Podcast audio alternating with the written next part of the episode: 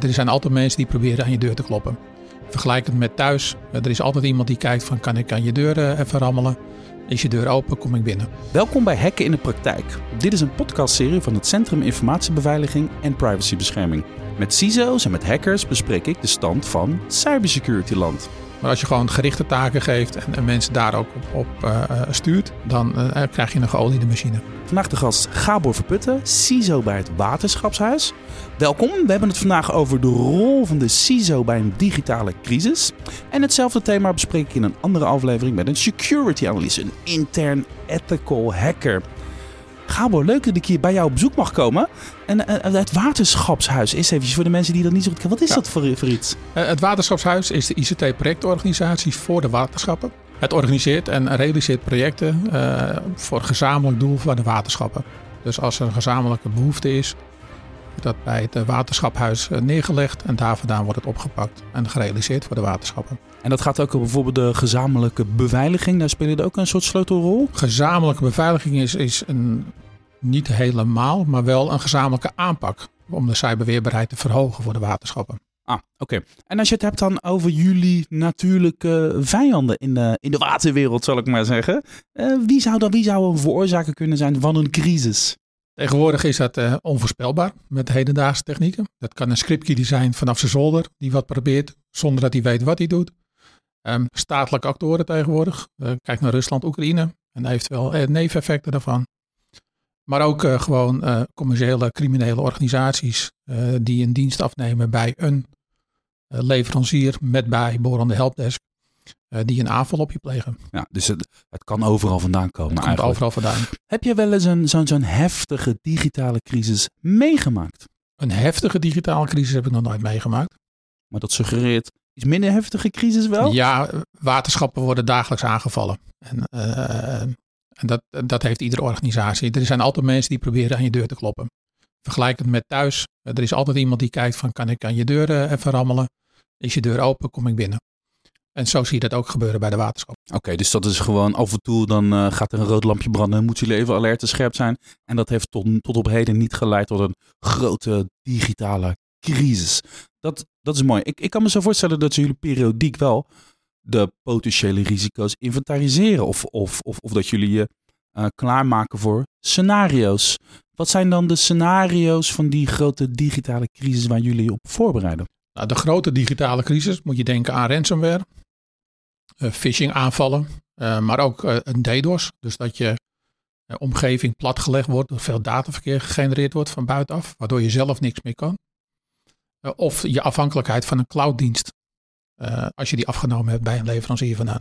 Oké, okay, maar dit gaat over, over de boel in kaart brengen. Dus waar zitten de risico's? Maar werken jullie ook scenario's uit die jullie dan misschien testen ze nu en dan? Die, die scenario's op basis van waar zit het in? Uh, dat werken we dan ook weer uit in scenario's. En daar proberen we en een incident responsplan voor te maken. Uh, en ook te oefenen van wat als het gebeurt. Uh, hoe ga je dan acteren? hebben jullie daar een draaiboek voor klaar liggen? Weet jij precies wat je te doen staat als jij gebeld wordt door een van je collega's van Gabo help, ja. ze zijn binnen? voor een ransomware hebben wij op dit moment hebben we hem klaar liggen. Uh, en die is bijna vergelijkbaar ook met een phishing aanval. Uh, dus dat zijn de, op dit moment de twee meest belangrijke voor ons. En daar hebben we echt wel een draaiboek voor klaar liggen. Okay. Of althans een incident response plan. Zoals we dat zo mooi noemen. Een incident response plan. Malware. De ritten, ze zijn binnen. Laten we dat scenario eens uh, doornemen. en laten we die dan aftrappen met een vraag van de ethisch hacker die ik eerder sprak. luister even mee. Wat je niet zou willen hebben als je in een, in een crisissituatie zit.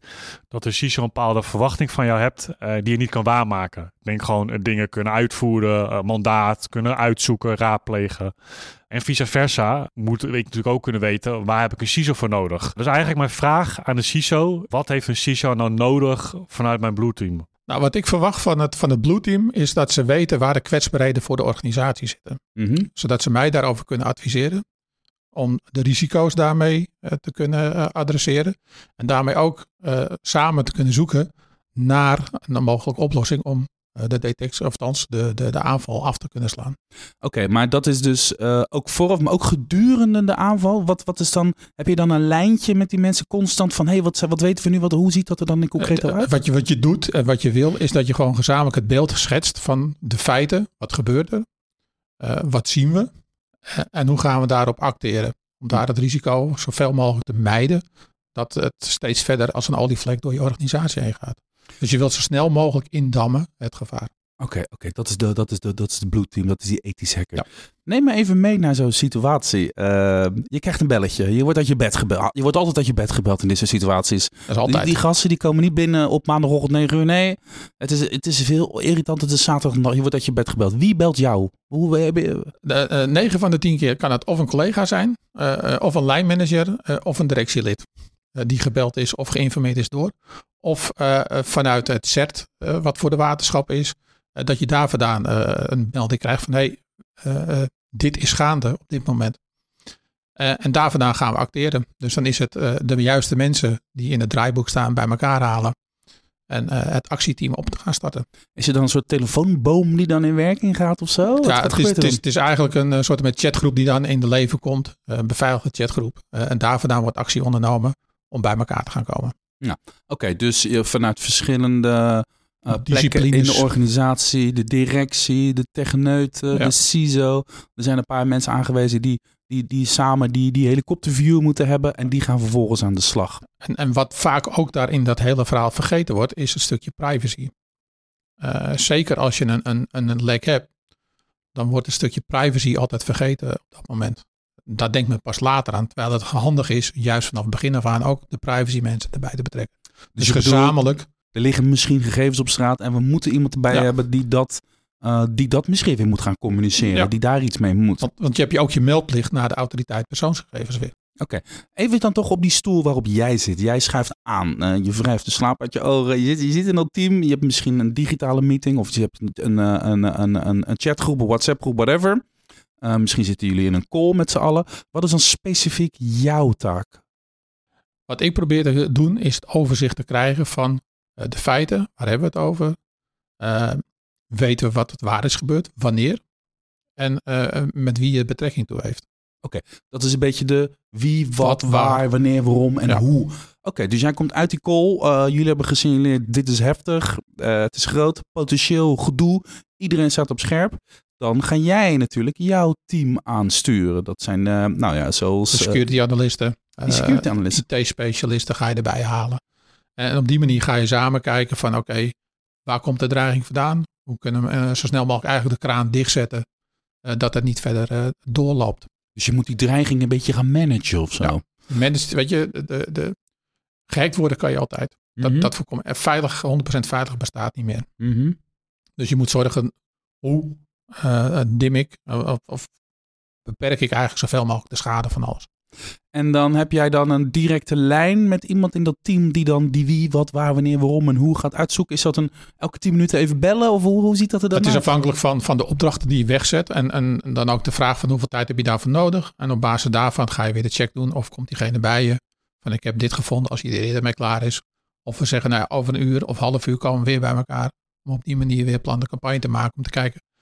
Dit hebben we. Feiten hebben we. En hoe gaan we weer verder? De volgende analyse. En dan is het dus, eh, hoe kunnen we zo snel mogelijk het lek dichten? Eerst even checken natuurlijk, waar zit het? Ja. Welke gegevens liggen erop staat? Welke porten hebben het wel gehouden? Ja. Jullie hebben natuurlijk gecompartimenteerd. Dus je gaat er zo snel mogelijk een soort, eh, binnen 24 uur wil je precies weten wat er aan de hand is. Grijp je zelf ook in de systemen? Nee, niet meer. Dat Dat is, een dat is een grote valkuil van, eh, van technische CISO's, om dat zo maar te zeggen. Mhm. Eh, maar daar heb je je specialisten voor. En tegenwoordig zijn de systemen zo complex, dat moet je aan de specialist overlaten. En is dat dan ook goed uitgekristalliseerd eh, wie in het team wat doet? Of, of gaat iedereen tegelijkertijd erop? Het kan Nee, voorstellen dat het een chaotische situatie Het- kan zijn. Ja, het, het, eh, eh, als je geen goede sturing eh, doet op het, op het geheel, Mhm. dan krijg je een chaotische situatie. Maar als je gewoon gerichte taken geeft en, en mensen daar ook op, op eh, eh, stuurt, dan eh, krijg je een geoliede machine.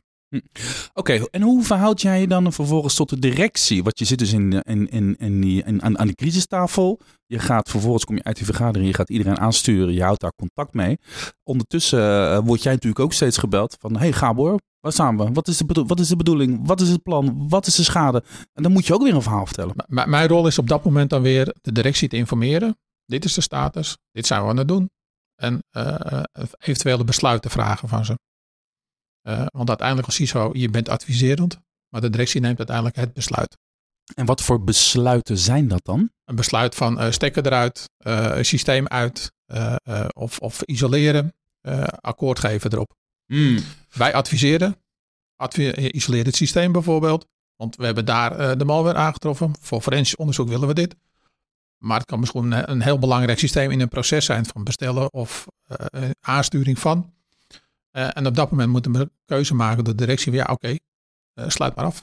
Maar dan komt het wel op aan voor jou. Want jij hebt misschien een kwart van de informatie, een derde van de informatie, misschien de helft van de informatie. Er is, je zal ons ongetwijfeld van bovenaf een onwijze druk voelen van... ik wil antwoorden, ik moet hier verantwoordelijkheid gaan nemen. En ik heb jou nodig, want jij bent een man. Dat lijkt me wel een spannende situatie. Ja, maar dan is juist wat je vaak ziet, is dat heel veel eh, emotie erbij komt kijken. En de emotie moet je eigenlijk weg eh, parkeren, zeg maar. Je moet beide feiten houden, geen emotie.